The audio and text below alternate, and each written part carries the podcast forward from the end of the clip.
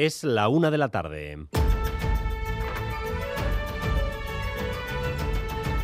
Crónica de Euskadi con Dani Álvarez.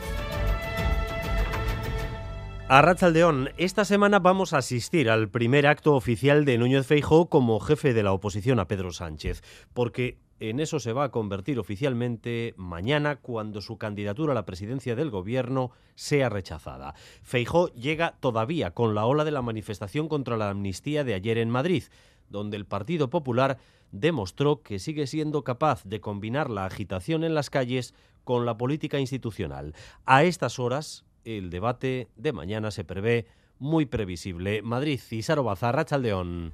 A Racha León, sí, la manifestación de ayer desbordó todas las expectativas del PP, pero a pesar del clamor popular en las calles, Feijó no cuenta con los apoyos para sacar adelante su investidura. Su única baza es que algún diputado cambie su sentido de voto. De hecho, desde el gobierno acusan a los populares de apelar al transfugismo. El Partido Popular lo niega. En los próximos minutos, Cuca Gamarra dará cuenta de las líneas generales del discurso de investidura de Feijó, un discurso que seguramente se centrará en gran medida en el mensaje que los populares trasladaron ayer a las calles en la igualdad de los españoles.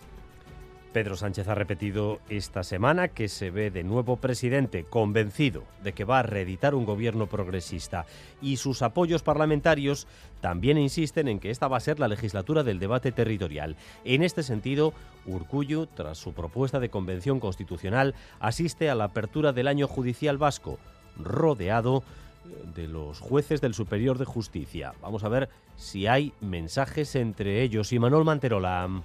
De momento el acto acaba de arrancar hace unos minutos aquí en el Palacio de Justicia. Antes el Endacari se ha reunido con la cúpula judicial vasca acompañado por la consejera de Justicia Nerea Melgosa. En estos primeros minutos del acto ha tomado la palabra la fiscal general Carmen Adán. También está haciendo ahora lo propio el presidente del Tribunal Superior de Justicia del País Vasco, ambos con un clamor por la falta de recursos en la justicia. En concreto, la falta de jueces, ha dicho Subijana, es el talón de Aquiles de la justicia en Euskadi. Esta herramienta ofrece enfoques adaptables a las circunstancias específicas de cada sistema judicial. El compromiso es elaborar un mapa judicial de Euskadi que nos permita conocer en cada momento presidente del Tribunal Superior de Justicia, ahora mismo en directo. Y esta mañana ha estado en Boulevard el consejero de Educación, Joaquín Bildarratz, que va a comparecer a petición propia en el Parlamento para dar explicaciones sobre las licitaciones de las líneas de autobuses de transporte escolar. Repite que ese proceso fue limpio, transparente. Y dice más, que le sorprenden las dudas por el hecho de que la adjudicación de algunas rutas de Guipúzcoa fueran a la empresa de un asesor externo contratado por el departamento. A mí que me digan en qué se ha visto beneficiada esta empresa, porque esta empresa ha obtenido el 3,2% de las rutas, fíjese de lo que estamos hablando, de las 15 que ha obtenido, eh, en 12 es la única que se ha presentado. A mí eh, toda esta situación me está sorprendiendo un poco, me está sorprendiendo un poco eh, en el sentido de que mm, no sé eh, qué, movimientos hay.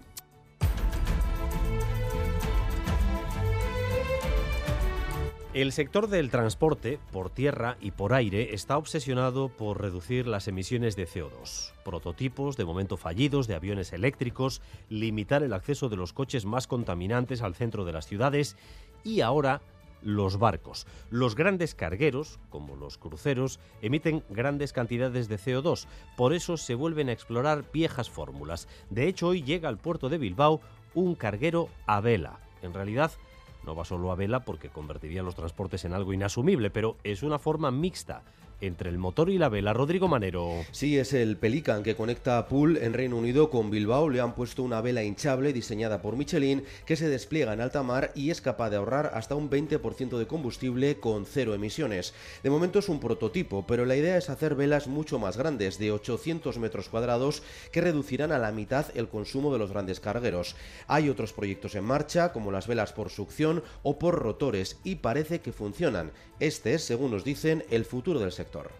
¿Vuelven los barcos a vela? Yo diría que sí, matizando un poco. No volverán para los barcos 100% a vela, pero sí que habrá barcos que tengan vela como propulsión asistida. O sea, como en los coches, los barcos híbridos.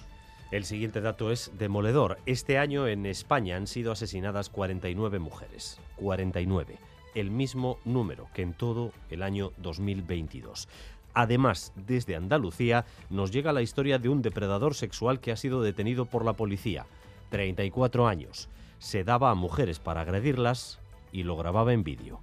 El detenido es un sacerdote Anegoñi. Por el momento son cuatro las víctimas identificadas, pero la policía no descarta que el sacerdote haya cometido más agresiones sexuales en las ciudades en las que ha residido.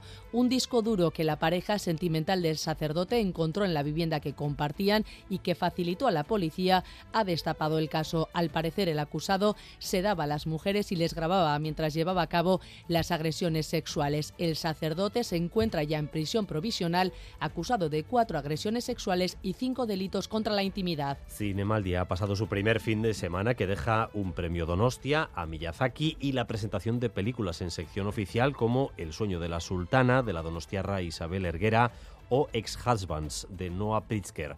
En el apartado Alfombra Roja alerta a los cazautógrafos y a los cazaselfies porque Jessica Chastain y Max Mikkelsen llegan hoy. Mikkelsen está, de hecho, a punto de llegar Donostia. Y la entrega de los Fair Saturday Awards se celebrará esta tarde en el Guggenheim. Van a ser ocho los premiados por su labor construyendo un mundo más justo y sostenible. Entre los premiados, el pianista James Rhodes o la percusionista diagnosticada con sordera profunda Evelyn Glynn. Escuchamos a Anne del Ferrero, integrante de Fair Saturday. Reconocer a organizaciones y personas ¿no? de, todo el mundo que destacan por su impacto social a través de su labor, siempre alrededor de la cultura. ¿no? Entonces, que la cultura per se y por sí misma ya tiene un impacto, pero que estos proyectos en sus, eh, bueno, sus actuaciones y en sus objetivos van más allá y vamos también con lo más destacado del deporte, Álvaro Fernández Cadierno, Arracha León. Arracha León con la victoria de la Real por 4-3 frente al Getafe, un partido en el que brillaba Bryce Méndez, derrota de la Morevita 3-1 frente al Villarreal B. En baloncesto, arranque el liguero triunfal para Vasconia y Bilbao. Ganaban en ACB, en este caso ante Brogan y Andorra respectivamente. En golf, una decisiva carrota ciganda le ha dado la victoria a Europa frente a Estados Unidos en la Solheim Cup y en pelota, Ezcurdi y Rezusta han triunfado en el torneo de San Mateo. Gracias. Un día más por elegir Radio Euskadi y Radio Vitoria para informarse. Raúl González y José Ignacio Revuelta se encargan de la dirección técnica y María Cereceda de la coordinación. Crónica de Euskadi con Dani Álvarez.